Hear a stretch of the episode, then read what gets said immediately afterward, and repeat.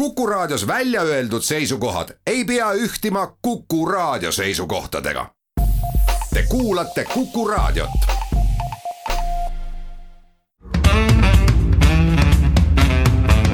muuli ja Riikoja tere päevast, head kuulajad, kell on seitse minutit üksteist läbi, et on reedene päev, siis loomulikult ka saate Muuli ja Riiko ja aeg on kätte jõudnud, aga et Kalle Muuli on jäänud kuhugile Euroopa avarustesse kinni, sest et tema lennud ei ole õigel ajal lennanud, siis eh, tema rollis on täna hea meel stuudios tervitada peaministri büroo juhti Johannes Merilaid. Tere, tänan kutsumast. mina olen saatejuht Indrek Riiko ja alustame tänast saadet äh, koroonaviiruse teemadega, nakatunuid tuleb järjest juurde, meie nakatumismäär viimase neljateist päeva jooksul saja tuhande elaniku kohta on tõusnud juba sisuliselt kahekümne seitsmeni. Eesti, eestlasi ei oodata lõviosades riikides, valitsus kehtestas ka eilsel kabinetiistungil uusi piiranguid, nii et sellest kõigest räägime teiseks katsume siis otsa vaadata eile ja täna öösel möllanud esimesele sügistormile ja võib-olla panna seda natuke sellisesse laiemasse konteksti. räägime kindlasti ka kaitsekulutustest, riigieelarve läbirääkimised on praegu käimas ja see, kas kaitsekulutusi peaks kärpima, peaks samaks jätma või peaks juurde sinna raha panema, see on üks teravamaid vaidlusteemasid ja viimase teemana on plaanis käsitleda olukorda Valgevenes. seal pärast presidendivalimisi ja, ja väidetavaid võltsimisi puhkenud äh, suuri meeleavaldusi ja siis ka meeleavaldajate vastu suunatud vägivalla teemat. muuli ja Riikoja iga hommik eh, sihuke kella poole üheteistkümne paiku kõigis meediaväljaannetes oodatakse järjekordseid numbreid eelmise ööpäeva Covidi nakatumise näitajate kohta ja ega head viimastel päevadel liiga palju seal nendes numbrites ei olnud. eilegi või siis õigupoolest öeldes viimase ööpäeva jooksul lisandus kolmkümmend kuus positiivset testi ja siis see nakatumisnäitaja saja tuhande elaniku kohta viimase neljateistkümne päeva jooksul on nüüd siis kerkinud kahekümne kuue koma üheksakümne neljani ehk lahti seletatult tähendab see siis seda, et kui me siiamaani saime vähemasti lähiriikidesse suhteliselt äh, rahulikult reisida, siis äh, Läti läks meil kinni nii-öelda või noh, selles mõttes kinni nädala algusest, et eestlased võivad Lätti minna, aga peavad seal kaheks nädalaks eneseisolatsiooni jääma ka Leedu äh, nii kõrge näitaja puhul läheb kinni ja soomlaste poolt küll veel ei ole otsust tulnud. aga oodata on, et ka seal, ka see, ka sealsed piirid lähevad meile selles mõttes kinni. tõenäoliselt tehakse mingisuguseid erandeid äh, nii-öelda töörändele, et ka näiteks Läti valitsus on öelnud, et Valga ja Valka kaksiklinna on üks sihuke piirkond, et kui sealt ei ole inimesed väljas käinud, siis nad võivad nii-öelda töörände tarvis võivad ilma, ilma isolatsiooninõudeta piiri, piiri ületada ja valitsus eile õhtul istus ka väga pikalt koos kabinetiistungil ja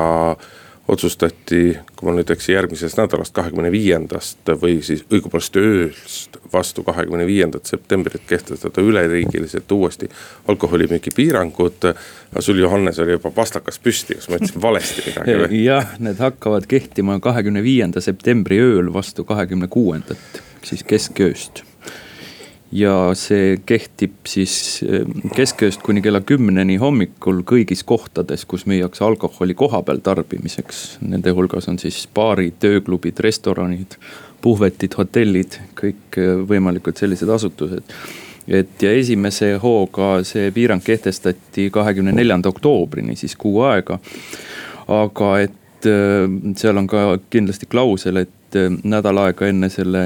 esialgset lõpukuupäeva, siis vaadatakse see otsus üle, hinnatakse seda edasist vajadust ja, ja pole ka välistatud, et see keeld jääb pikemalt kehtima. aga selle äh, keelu äh, ütleme, selline laiem põhjendus on siis, äh, seda ka toetas valitsuse juures tegutsev teadusnõukoda. aga me oleme näinud selle alkoholikeelu äh, piirkondlikku mõju. Äh, näiteks kui olid Tartus seal mitmed kolded, siis Tartus kehtestati see maakondlik piirang või ka Ida-Virumaal. et siis see, just see öine alkoholimüügi piirang on tegelikult aidanud Äh, üsna hästi neid äh, numbreid kontrolli alla saada. ja seda nakatumist vältida, sest nagu öeldakse, koroona on pidude ja kinniste ruumide haigus. no ja... ega see on muidugi selline kahe otsaga asi, mida vaadata jah, et Tartus olid küll nagu väga selged, väga selged nii-öelda erinevatest meelelahutusasutustest alguse saanud kolded, aga kui meil siin Ida-Virumaa järjest tõuseb, siis praegusel hetkel kõige suurem on nii-öelda see Estonia kolle ja noh, seal ei ole nagu pidutsemisega mingisugust pistmist noh, aga seal on teine see võrrandi pool, kinnine ruum, et ütleme kindlasti need äh, kaevandused ja, ja. ja sealsed ruumid on, on ka väga sellised äh, soodne keskkond viirusele levimiseks. nojah, eks on ju, palju on räägitud, et miks on nagu Lätis näitajad nii head ja siis on ka valitsuse poolt on mitmed äh, inimesed viidanud sellele, et Lätis on nii-öelda need alkoholimüügi piirangud kehtinud tegelikult kevadest saadik et südaööst ei saa seal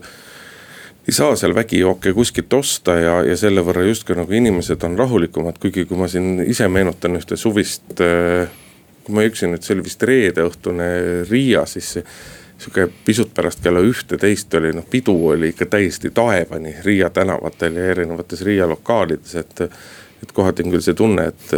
et kõik see, mis muidu tehtakse ära, ütleme seal võib-olla öösel kella kaheni, kella kolmeni tehakse nüüd nii-öelda nagu südaööks ära. et kas siis selle võrra nii-öelda käiakse vähem, puututakse vähem kokku, et, et seda et seda ma ei usu, et sealt nagu kaasa tuleb. no selline isiklik kogemus äh, on kindlasti kasulik ja väärtuslik, aga seda niimoodi sellest suuri selliseid üldistusi teha teinekord võib olla problemaatiline. ma enda isiklikust kogemusest ütlen ka, et mina käisin Riias, äh, kohe kasutasin võimalust, kui see Balti mull äh, nii-öelda tekkis või avanes, et. et ka kohe esimesel võimalusel läksime ütleme sõpruskonnaga ja võtsin ka lapse ühes, läksime Riiga. hotellid olid odavad, loomaaias on kaelkirjakud, miks mitte. ja siis minu kogemus oli, oligi just see, et näiteks seal vanalinnas, et see vanalinn tollel hetkel oli täiesti Eesti linn, et oli Eesti numbrimärgiga autod eesti keel e, igalt poolt kõlas vastu, hotell oli eestlasi täis. aga, aga seal tõesti, mis oli silmatorkav erinevus toona seal ütleme sellisel suvisel ajal oligi see, et, et et äh, esiteks oli väga suur hulk meelelahutusasutusi oli, oli vanalinnas ka sellel hetkel veel kinni. ja teised, kes seal olid lahti, need siis ka ütlesid, et nad on umbes esimest nädalat või esimest päeva alles enda uksed uuesti avanud. aga seal oli ka selge reegel see, et tõepoolest kella kaheteistkümnest äh, pandi uksed kinni ja teine silmatorkav erinevus oli see, et äh, ka ukse peal alati küsiti, et kas te olete äh, ühest perekonnast või olete te nagu omavahel lähikontaktsed, et, et ilmselt oli seal ka mingi selline regulatsioon, et, et et ka see, seda nad pidasid mõistlikuks, et, et, et inimestel seal ei tekiks neid võib-olla harjumatuid või mitte nii tavapäraseid kontakte teiste inimestega. mina muidugi tahaksin, tahaksin valitsusele panna, panna südamele seda, et noh, et nüüd on olnud meil ikkagi nii pikalt juba ka seda nii-öelda teist lainet, koolid on käinud juba päris mitu nädalat, et et kui siin augusti, augusti lõpupoole, kui tulid need sihukesed koole puudutavad esimesed juhendid äh, haridusministeeriumist, noh siis oli nagu mõist-, natukene mõistetav ja, ja loomulik, et kõik need juhendid ei olnud nagu väga täpsed, väga konkreetsed. siis tänaseks on tulnud küll, on küll seda aega olnud piisavalt palju, et teha täiendavaid juhendeid koolidele. teha täiendavaid juhendeid omavalitsustele, kuidas käituda, noh sellest nädalast on ju, on ju ka nii-öelda ilmekas lugu Peipsi ääre vallast, kus vallavalitsus ka otsustas kehtestada päris nii-öelda karmid piirangud, mis päädis sellega, et väga ruttu reageeris sellele õiguskantsler Ülle Madise ja saatis siis kirja vallavalitsusele. tuues siis välja, et, et, et, et milliseid piiranguid võib üks omavalitsus teha ja mida ta ei või, et kust tulevad riived inimeste põhiõigustega ja nii edasi, nii edasi, nii edasi. et noh, et täpsemate ja selgemate juhiste järgi on, on praktiliselt igal elualal nagu vajadus olemas ja, ja seda võiksid, ma ei tea, kas see on valitsuse asi teha või on see nii-öelda ministeeriumi asi teha neid, neid juhendeid, et seda oleks küll hädasti vaja, et see on tegemata töö siiamaani. noh, Tallinna koolides toimuvast segadusest, sellest, kuidas reageerida kas siis võimalikule kontaktsele või päris haigestunule. noh, sellest on väga palju räägitud siin viimase nädala-paari jooksul ja, ja Tallinnast on ka ju mitmest lasteaiast, mitmest koolist on, on nüüd selged nii-öelda nagu juhtumid olemas ka ja noh see reageerimine on kooliti olnud väga erinev, isegi kooli sees väga erinev, et seal oleks vaja nagu mingisugust mõistlikku selgust jah, see kriitika kindlasti on ühest küljest on õigustatud, aga ma arvan, et ka ükski asutus, ametkond ega ametnik ei lähe seda ülesannet lahendama äh, selle teadmisega, et ma lähen nüüd segast juhendit tegema, et kõik nad annavad endast äh, nagu parima. ja, aga kuna see kriis on suhteliselt äh, ulatuslik, ulatub väga paljudesse erinevatesse valdkondadesse, siis on paratamatu, et tekib sellises suures segases olukorras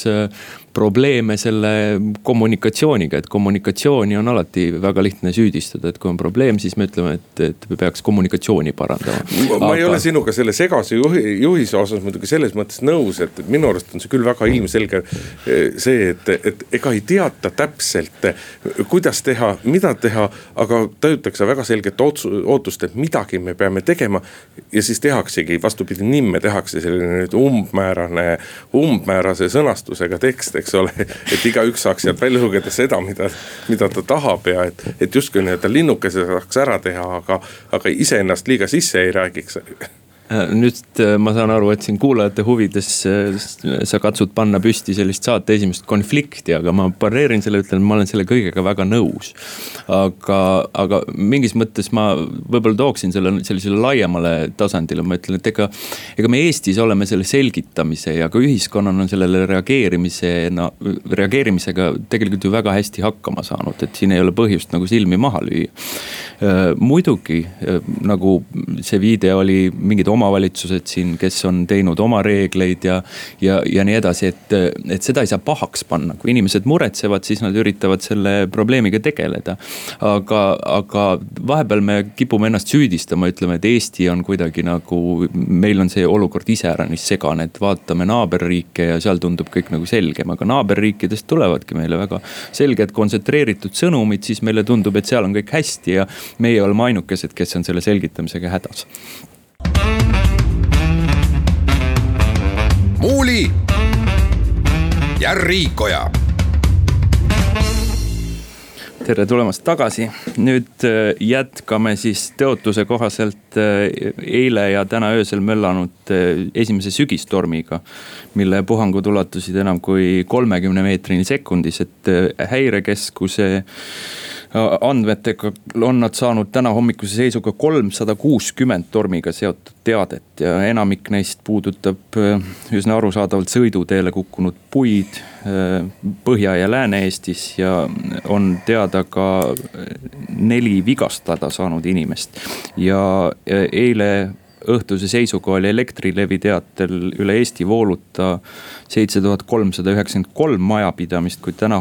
hommikuks oli see seis juba oluliselt parem ja nad teatasid veel, et kolme tuhande kolmesaja viiekümne neljal majapidamisel on äh, äh, vool veel tagasi toomata jah, kui mina neid numbreid vaatasin, siis kui me meenutame siin kevadist tormi, see oli, toona oli ka see Võru alajaama juhtum. et siis toona olid need numbrid päris suur, tunduvalt suuremad järgmisel tormijärgsel hommikul, et. et ega siin ongi kaks küsimust, et kas torm oli siis tublisti nõrgem, kui ta oli kui ta on varasematel kordadel olnud või siis on ikkagi teoks saanud lõpuks see, et. et meil on tulnud ükskord torm, mis ei ole saabunud ootamatult, et tavaliselt ikkagi talve hakul tuleb esimene lumi alati ootamatult, see, et kevadel või sügisel torm on, see on alati ootamatult, keegi pole justkui nii-öelda pole selleks valmis ei ametkonnad ega, ega inimesed ise, aga mina näiteks eilset eilsetes uudiste, uudisvoogudes panin tähe, selgelt tähele uudiseid, et. et suuremad tanklaketid teatasid, et millised tanklad neil töötavad, näiteks kui, kui üldiselt elektrit ei ole, ehk siis on ise generaatoritega varustatud ja. et see tormile valmisolek on, on tunnetuslikult küll Eestis äh, Eestis tuntavalt paranenud, iseenesest muidugi mingeid arvandmeid mul selle, nii-öelda selle väite aluseks ei ole no seda on raske öelda jah, et, et võib-olla sellele puule, kes elektriliini peale kukub, et tuleb see torm alati võrdselt oodatult või ootamatult, aga, aga ütleme selline võib-olla sellise igapäevaelu äh, valmisoleku või, või ka meie infrastruktuuri valmisoleku poolest tõepoolest võib-olla see olukord on paranenud, et, et kui me mõtleme selliste klassikaliste tormikahjude peale, siis ma isegi siin mainisin neid murdunud puid ja nii edasi, aga. aga sellega võib kaasneda veel terve hulk erinevaid äh, selliseid mõjusid, mida me võib-olla esi, esmapilgul äh, ei, ei suudagi nagu ette kujutada, näiteks kui me meenutame eelmisel aastal oktoobris seda Lõuna-Eestis möllanud suurt tormi, siis näiteks äh, Võrus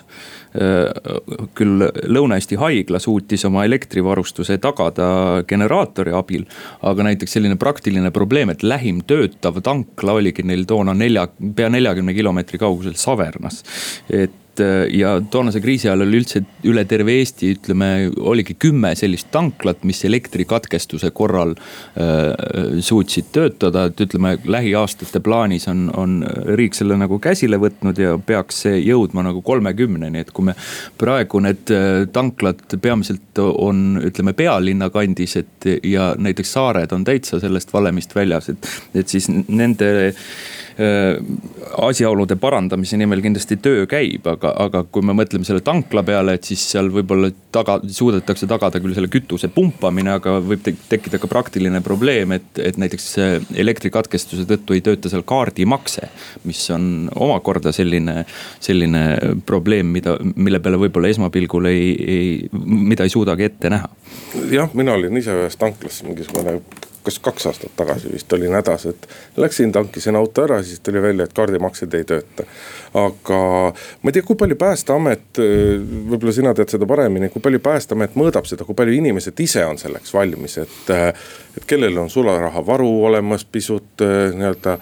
leib, sool, suhkur, tikud, tangained, pudruhelbed et äh, võib-olla väike priimus, gaasiballoonid selle jaoks. Äh, et oleks võimalus kodus ka mingisugust tuld teha, et natuke sooja saada. et kas sellist asja nagu mõõdetakse ja sellist asja ka jälgitakse, sest et see on tegelikult ikkagi nagu võtmetähtsusega sest et inimeste justkui ootus tavaliselt on ju ikkagi see, et, et kui on eriolukord, kui on torm, siis justkui abi peaks nendeni ikkagi jõudma vähemasti sama kiiresti, kui mitte kiiremini nagu tavalises olukorras, aga noh. tõenäoliselt on see pigem tegelikult hoopis risti vastupidi jah, see on tõepoolest nii, et kui päästeamet on mõõtnud tegelikult siin viimastel aastatel inimeste selliseid hoiakuid ja käitumist ja, ja valmisolekut selleks, sellisteks suurteks kriisideks, et nad koostavad sellist hädaolukorraks valmisoleku indeksit, et. et, et see mõte äh, ongi sellel, et iga inimene peaks olema teadlik oma kodukandis äh, valitsevatest ohtudest ja peaks äh, suutma nendega nagu toime tulla, et. et äh, kui me praegu räägime sellest tormi kontekstis, et siis tõenäoliselt on seal ka näiteks suured maastikupõlengud või metsatulekahjud, aga ka teatavates piirkondades ju kiirgusõnnetused või gaasiõnnetused ja nii edasi, et, et et äh, tõepoolest äh, selle tormi kontekstis võibki öelda, et inimeste valmisolek äh, on tegelikult paranenud ja inimestel on varud on suuremad ja nad on valmis üksteist rohkem aitama. muuli ja Riikoja tere tulemast tagasi, head kuulajad, läheme Muuli ja Riikoja saatega edasi, aga kuna Kalle Muuli on Euroopa avarustes, siis teda asendab täna peaministri büroo juht Johannes Merilai ja mina olen Indrek Riikoja. räägime nüüd ka kaitsekulutustest, järgmise aasta eelarve koostamise protsess on käimas kokkuleppeid sisuliselt üheski nii-öelda olulises valdkonnas siiamaani ei ole, noh teada on mingisugused prioriteedid. Keskerakond tahab pensionitõusu, Isamaa ootab ühest küljest pensioni teise samba otsust, teiselt poolt räägib, räägib ka peretoetustest palju. ja paljuski nii-öelda nagu EKRE õhutusel on, on üksjagu teravalt üles tõusnud kaitsekulutuste teema kui lähtida, lähtuda nii-öelda seni kehtinud põhimõttest, et äh, riigikaitsekulutused peavad olema vähemalt kaks protsenti SKP-st, siis arvestades äh, praegust nii-öelda selleaastast majanduslangust, siis skp langeb ja suurusjärgus viiekümne miljoni euro võrra peaksid teoorias vähenema ka kaitsekulutused. on nii hääli, kes ütlevad, et me võime selle kaitsekulutuse languse, ütleme siis languse, mitte kärpe, aga languse aasta-paari lõikes ilusasti üle elada, ilma et meie kaitsevõimega midagi juhtuks. ühed ütlevad, et kaitsekulutusi on, on vaja väga, vastupidi, väga ulatuslikult tõsta ja EKRE on nüüd välja tulnud omalt poolt nagu mitmete ettepanekutega, kuidas võiks võtta laenu ja suurendada mitut meie kaitsevõimekust, mis on nagu omakorda eelkõige siis nii-öelda valdkonna enda kriitika pälvinud, sellepärast et EKRE mõtleb ainult sellele, mis maksab näiteks äh, rannakaitsevõimekuse loomine või, või kui odavalt saaks Suurbritanniast tanke osta. aga ei mõtle sealt edasi järgmiseid samme, et äh, mida selle võimekuse nii-öelda reaalne käigus hoidmine ka tulevikus maksta võib ja. ja need summad on, on, on tihtipeale, tihtipeale ikkagi nagu väga üüratud aga kus kohas see nii-öelda kokkuleppe koht lõpuks olla võiks, noh seda võiksid sina paremini teada kui mina nojah, kaitsekulutused on kindlasti Eesti ühiskonnas ühest küljest selline olnud väga selline konsensuslik teema, et, et erakonnad on ju kõik Äh, olnud üldiselt seda meelt ja on olnud selline vaikiv kokkulepe, et kaitsekulutused on see kaks protsenti meie SKP-st ja siin erinevate aastate lõikes Eesti ka ühena vähestest äh, NATO liikmesriikidest on seda juba aastate jooksul ka tublisti täitnud, kuigi seda teinekord on päris keeruline on seda rehkendust teha, sellepärast et see protsent SKP-st muutub äh, mitu korda mitme aasta jooksul, et kõigepealt seda arvutatakse prognooside järgi siis äh, tegelik aasta protsent sõltub, selgub siis nagu tagantjärgi, kui, kui need äh, möödunud aasta skp rehkendused on kokku löödud ja siis veel statistikaamet tagantjärgi neid äh, andmeid korrigeerib. aga me sellest kõigest hoolimata oleme püsinud oma kulutustega üle selle kahe protsendi ja kui me nüüd võtame eelduseks, et, et ütleme, see skp kasv siis äh, jääb tänavu aastal ära, äh, siis sellest hoolimata meie kaitsekulud püsivad sellel äh, kahe protsendi tasemel. küsimus on siis, et, et nagu mina sellest EKRE teemapüstitusest aru saan, siis nad natuke seadsid kahtluse alla seda, et kas see kaitsekulutustesse pandav raha alati läheb kõige õigemasse kohta ja siis tõstatasid seal erinevaid, ütleme selliseid võimearenduse teemasid, näiteks rannakaitse või keskmaa õhu õhutõrje, et ja, ja tõstatasid vajaduse võib-olla neid arendada. aga kui me püüame seda kuidagi nagu üldistada ja laiemalt vaadata, siis noh, kaitse planeerimine on ju väga keeruline protsess, et siin meil ei, ei jää muud üle, kui toetuda ikkagi eelkõige meie kaitseministeeriumi, kaitseväe, kaitseliidu äh, spetsialistidele, kes vaatavad seda nagu tervikuna, et kahtlemata. Nendes võimearendustes äh, ka EKRE ja kaitsevägi leiavad ühise keele, et mis on, äh, mis on oluline. aga, aga küsimus on selles, et millises järjekorras neid asju teha no see, sa olid muidugi jah väga diplomaatiline, kui sa ütlesid, et nii-öelda. et äh, just seda EKRE neid avaldusi, et kui me siin viimase nädala väljaütlemisi, eelkõige siis nii-öelda. isapoega Helmete suust kuulame, siis sealt ikka kõlasid noh ütlused, et meie, et meie kaitsevõimet sisuliselt vaata, et ei ole ollagi, et investeeringud on tehtud täiesti valesti ja mis kõik mis kõik veel, mis kõik veel, noh ei ole ju tegelikult asjaomastele ringkondadele saladuseks see, et see kriitika väga palju Äh, pärineb nii-öelda ütleme niimoodi, et äh, mõne ekskaitseväelase suust, kes tänasel hetkel EKRE-sse, EKRE-sse kuulub ja kes ei ole olnud alati ühtmeelt äh, nii-öelda kaitseväe juhtkonna nii-öelda tavapärase joonega ja ja mis selle nii-öelda erimeelsuste põhjused on, noh seda on ka keeruline öelda, et ühed ütlevad äh, põhjendavad seda näiteks sellega, et kui seal Leo Kunnas ja veel mõned, et nemad on kogu aeg nii-öelda kaitsevõimega tegelenud peamiselt paberi peal. aga mitte kunagi nii väga praktiliselt, et siis kaitsevägi justkui vaatab nagu hoopis äh, praktilise poole pealt, et mille jaoks on olemas mehi mille tegemise jaoks on olemas raha ja nii edasi, et see noh, see on see, ka seesama, et see tankide küsimus on siin tulnud Martin Helme hõikas välja, et me saaksime odavalt paari miljoniga Suurbritanniast mitukümmend vana tanki osta, et oh, me võiksime selle kohe ära osta ja on täiesti häbiväärne, kuidas kaitseväes ja kaitseministeeriumis töötavad inimesi, kes just selliseid diile peaksid kogu aeg tagasi, taga otsima selle peale ei tule, eks ole, eksperdid vastavad selle peale, et Suurbritannia annab need tankid üliodavalt ära sellepärast, et punkt üks tuleks teha neile väga kulukad äh, moderniseeringud, kuna tegemist on kolmkümmend ja rohkem aastat vanade tankidega. Need vajavad uusi torne, uusi relvastust ja, ja vot see maksab juba küll kümneid-kümneid miljoneid. ja sealt edasi tuleb nüüd vaadates seda, et kas kui need tankid Eesti kaitseväkke jõuavad, kas kaitsevägi oskab sellega midagi pihta hakata. Veel enam, kas kaitseväel on kohta, kuhu neid tanke panna ja kohti, kus neid tanke kasutada, nendega õppusi läbi viia. vastus on kõigile neile küsimustele, et ei, et ei ole inimesi, kes oskaks nendega midagi teha, ei ole kohta, kuhu neid panna. ei ole piisavaid äh, nii-öelda õppeplatsi, kus nendega harjutada, neid nii-öelda proovida ja, ja see on juba küll asi, mis maksab äh, noh kui mitte päris nüüd eh, nii-öelda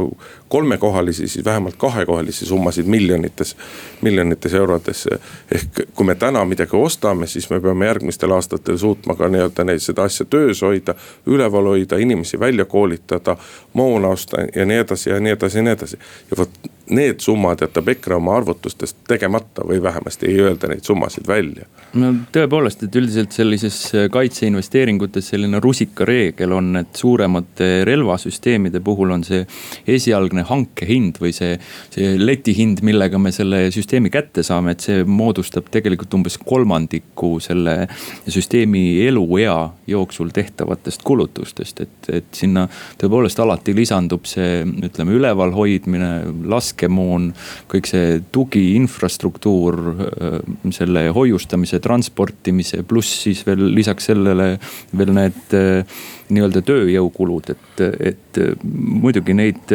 rehkendusi meie kaitseplaneerijad kogu aeg teevadki. Mind häirib ka kõige selle, kõigi nende vaidluste juures natukene ka selline tunne nagu, et, et inimesed on jube ebakindlad meie kaitseväe, meie kaitsevõime ja kõige selles suhtes, et noh, ma ütlesin eelmises saates ka seda, et. et kui me vaatame reaalselt, mis, milline on meil järgmise aasta riigieelarve koostamise olukord, millised on need nii-öelda potentsiaalsed tulud, mis meil saada on. ja kui palju me saaksime võtta laenu või, või pigem öelda, et kui palju oleks mõistlik võtta laenu siis on hulk valdkondi, kus meil tuleb tõenäoliselt ikkagi järgmise aasta või kahe jooksul leppida sellega, et kasutada on raha pisut vähem, kui teda on olnud sellel, eelmisel või üle-eelmisel aastal. Ja, ja mina olen küll täie, täiesti veendunud selles, et Eesti kaitsevõimega ei juhtu kindlasti mitte midagi kui me järgmisel või kahel aastal nii-öelda hoiame kinni sellest senisest põhimõttest. et kaitsekulutused on kaks protsenti SKP-st, millele lisandub siis nii-öelda liitlasväge, vägede võõrustamise kulud. meil, kuna meil on ju igapäevaselt arvestatav hulk äh, liitlasvägede kaitseväelasi on siin elavad siin, õpivad siin, harjutavad siin ja, ja osalistelt nende kulus, neid kulusid katab Eesti riik mis siis tähendaks seda, et jah, tuleks aasta või kaks tuleks saada summaarselt pisut väiksema summaga hakkama, siis seda on võimalik eh, investeeringute, kõige muu arvelt, seda on võimalik eh, sätitada niimoodi, et, eh, et et Eesti riigiga ei juhtu midagi, meie kaitsevõimega ei juhtu midagi ja hoidku jumal, kui keegi peaks meile tõesti selle aja jooksul meid ründama. me saame selle tagasilöömisega hakkama täpselt sama hästi, nagu me siiamaani oleme saanud. igatahes siinkohal mina pean kindlasti oluliseks maha öelda, et tegelikult kui me vaatame kaitsejõudusid, siis nende, seal meie kõige suurem väärtus on need inimesed, kes seal on, et need mehed ja naised, et kui neile otsa vaadata, siis igatahes on põhjust nende üle igati uhke olla, et me tegelikult oleme pikaajalise pingutuse töö ja just selle süsteemse tööga üles ehitanud reaalsetel võimetel ja välja õpetatud naistel ja meestel põhineva sellise sõjalise riigikaitse. et äh, siin näiteid ei ole vaja kaugelt otsida, et kui me vaatame äh, siin neid äh, suuri reservõppekogunemisi või õppuseid, et. et kuidas me suudame mõnepäevase etteteatamisega tuhandeid inimesi tuua nende kodudest välja, nad relvastada, varustada ja suunata maastikule operatsioonile, et, et see on väga silmatorkav ja, ja väga selline uhkust tekitav. kuidas need protsessid kõik on, on hästi tööle pandud. see kõlas nüüd küll ilusasti ja, ja tõeliselt patriootlikult, aga, aga eks ta laias laastus nagu nii ongi, et alati saab igasuguseid asju paremini teha. aga selles mõttes nii-öelda kaitsevaldkond ei erine ükskõik missugusest teisest eluvaldkonnast, on see siis haridus, on see riigiteenistus, riigisektor. ja noh, ajad on lihtsalt sellised, et tuleb praegusel hetkel igal pool natukene kitsamalt hakkama saada, et. et ega see ei ole ka nagu häbiasi ja pigem, pigem on nii-öelda uhkusasi oleks see, kui näidata, et me sellega hakkama saame, ilma et midagi juhtuks. muuli ja Riikoja Läheme oma saatega edasi, tavaliselt me liiga palju nagu välisteemadest ei räägi, aga see, mis Valgevenes toimub, ei ole sellest on nagu keeruline ükskõik kus kohas äh, ringi vaadata. Ja viimase nädala jooksul on, on olnud äh, väga paljud nii-öelda kõrged äh, riigijuhid, nii president, välisminister, mitmed riigikogu liikmed ja, ja kes kõik veel on on kohtunud äh, Valgevene opositsiooni esindajate Veronika ja Valeri Tsepkaloga. ja seetõttu on nii-öelda see Valgevene teema on, on nagu üleval ja, ja ega ei ole ju saladuseks ka see, et äh, poliitringkondades äh, ma ei oska öelda, kas siis arutletakse või küsitakse, et. et miks on seekord läinud nii, et selles Valgevene teemas rahvusvahelisel tasandil justkui nii-öelda juhtohja, ohjad on eelkõige haaranud leedukad, aga natuke ka lätlased, et miks ei võiks hoopis olla Eesti, kellel oleks võimalus. ka nii-öelda just nimelt rahvusvaheliselt eh, silma, silma paista, aga noh ma arvan, et see ei olegi isegi nii väga teema, et, et miks, miks mitte eestlased, aga leedukad, et noh, kui me kasvõi geograafiat vaatame, siis. siis on see üsna nagu mõistetav, teisest küljest, eks rahvusvahelise üldsuse probleem on natuke see, et et mis on nagu need sõnumid, mida Venemaa kohta öelda tahetakse, et kui lugeda, mida näiteks president Kersti Kaljulaid kirjutas oma Facebooki seina all pärast äh, kolmapäevast kohtumist. Äh, siis ta ütles, et äh, Valgevene rahvas nõuab vabade ja õiglaste valimiste kaudu vägivalla lõpetamist ja demokraatlike põhiõiguste austamist. valgevenelastel peab olema õigus ise oma tee valida ja me oleme siin nendega solidaarsed et eh, see kõlab ilusasti, aga ega rahvusvahelisel tasandil nii-öelda nendes sõnades nii palju sisu ei ole, et nendega oleks võimalik eh, Valgevene praeguste võimude käitumist kuidagi mõjutada nojah, seda Läti ja Leedu aktiivset rolli võib seletada lihtsalt võib-olla nende, ütleme, geograafilise lähedusega, et neil on olemas maismaapiir Valgevenega. ja ütleme ka sellised suuremad kogukonnad, et, et sellest äh, tulenevalt kindlasti nende sellised ühiskondlikud kontaktid on võib-olla tihedamad. võib-olla see analoogia on meil, on Soomega siis, et et äh, aga Eesti jaoks on Valgevene küsimus on selline kõige parem näide väärtuspõhisest äh, välispoliitikast, et miks see on meile oluline. just sellepärast, et, äh, et Valgevene rahval peab olema endal õigus valida see tee ja kui nad nõuavad seal mingeid demokraatlikke muutusi. demokraatlike vahendite ja protsesside abil, et siis neil peab olema see võimalus ja meie peame olema selles olukorras nendega solidaarsed. et aga Eesti on kahtlemata ka enda võimaluste piires ja meile olemasolevaid vahendeid kasutades seda ütleme ka rahvusvaheliselt neid eh, protsesse vedanud ja neile teemadele tähelepanu juhtinud, et näiteks seal oleme tõstatanud Valgevene teema ÜRO Julgeolekunõukogus, oleme näiteks just Eesti eestvedamisel sündis kolme Balti peaministri ühisavaldus. Eesti on ju ka kehtestanud sanktsioonid Valgevene valimiste võltsimises ja opositsiooniliste meeleavaldajate vastu suunatud vägivalla organiseerimises osalenud inimeste vastu. et kui me mõtleme, et mis selle nagu selline sisuline mõju on, et siis võib-olla seal nii suurt sisulist mõju ei olegi, et kui need inimesed lihtsalt siis ühel hommikul avastasid, et nad ei saa enam Balti riikidesse reisida. aga meie poolt ongi just see tähtis on see sõnum, et meie sellist äh, käitumist heaks ei kiida ja oleme nõus ka oma neid sõnu toetama, aga muidugi käivad ka diskussioonid selle, ütleme nende sanktsioonide laiendamise üle, et, et seal kõige suurema efekti annaksid ikkagi üle sellised Euroopa Liidulised sanktsioonid, aga seal on ka oluline silmas pidada, et, et need peavad olema eelkõige suunatud just nende konkreetsete inimeste vastu. kes seal nendes võltsimistes või, või selles vägivallas on, on osalenud, mitte me ei saa siin rääkida mingitest ulatuslikest majandussanktsioonidest, millega võib-olla siis teisest küljest karistaksime sedasama Valgevene rahvast. no kindlasti nii-öelda tuleks kasuks, kui, kui Valgevene opositsioon sõnastaks selgemalt selle, et, et mida nad tahavad saavutada lisaks sellele, et Aleksandr Lukašenkast äh, nii-öelda riigitüüri juurest lahti saada, et. eelkõige on küsimus selles suunas, et kelle, kuhu suunas tahab äh, Valgevene nii-öelda siis praeguse opositsiooni nägemusel edaspidi vaadata, kas võetakse selge nii-öelda kurss Euroopa suunas, noh. sarnaselt Ukrainale, kes ju, kes on deklareerinud seda, et ta tahaks pääseda Euroopa Liitu, eks ole. eelkõige nii-öelda mõelda Euroopa väärtusruumis äh, elada, teha ja toimetada või siis peaks Valgevenega nagu ka uute juhtide tasa ajal pigem jääma seotuks Venemaaga. ja, ja see on nagu mingi selline nii-öelda kindel seisukoht, mida, mida ka tegelikult võib-olla Euroopa üldsust ootab. ja kui seal oleks pilt selgem, siis, siis saaks ka Euroopa nagu käituda mõnevõrra konkreetsemalt ja, ja võib-olla siis mõnevõrra ka jõulisemalt, et noh, tõenäoliselt me ei, me ei kujuta keegi ette seda, et nüüd hakatakse Valgevenesse saatma, ma ei tea korrakaitseüksusi, vägesid või mida iganes, et. et sellist asja nii-öelda lääne poolt kindlasti ei juhtu. aga just nimelt noh, nagu rahaline tugi ja kõik selline pool, et, et,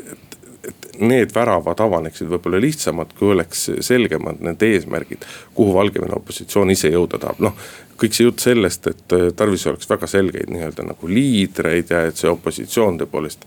esindaks siis nii-öelda opositsioon, opositsiooni tervikuna, et see ei oleks omavahel killustunud, noh, sellised asjad nagunii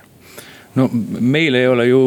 selles mõttes mingit äh, õigust äh, või õigustust neile ette kirjutada, et millise tee nad peavad valima. et aga mida meie saame nõuda, ongi see, et neil oleks see demokraatlik võimalus seda teed valida. ja see on meie jaoks oluline, et tegelikult ka Eesti ja Euroopa Liit on ju tegelenud Valgevenega aastaid, näiteks idapartnerluse programmi raames, et see ongi kõige paremas mõttes tähendanud sellist tähelepanu ja tuge, ka rahalist tuge, et ütleme nende selliseid ühiskondlikke liikumisi arendada, neid võimestada, äh, sinna seda tähelepanu suunata, et et, nad ise oleksid, et neil endal oleksid vahendid äh, oma, oma teed määrata. aga, aga selle juures me saamegi neile ainult näidata seda, et milline see e-, Euroopa Liidu ja meie äh, nägemus maailmast on, aga, aga nemad ise lõpuks peavad otsustama, et, et millises, millises suunas nad oma pilgu pöörata tahavad minule küll endale tundub, et arvestades, kui kaua kõik need pinged seal Valgevenes on juba küdenud äh, ja, ja, ja seda, et tegelikult äh, nüüd pisut enam kui kuu aja jooksul pärast viimaseid presidendivalimisi. et ega mingit reaalset muudatust ei ole toimunud, et siis äh,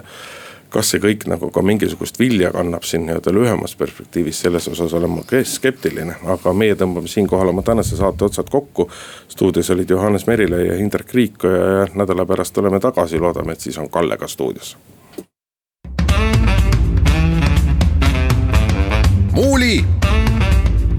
ja Riikoja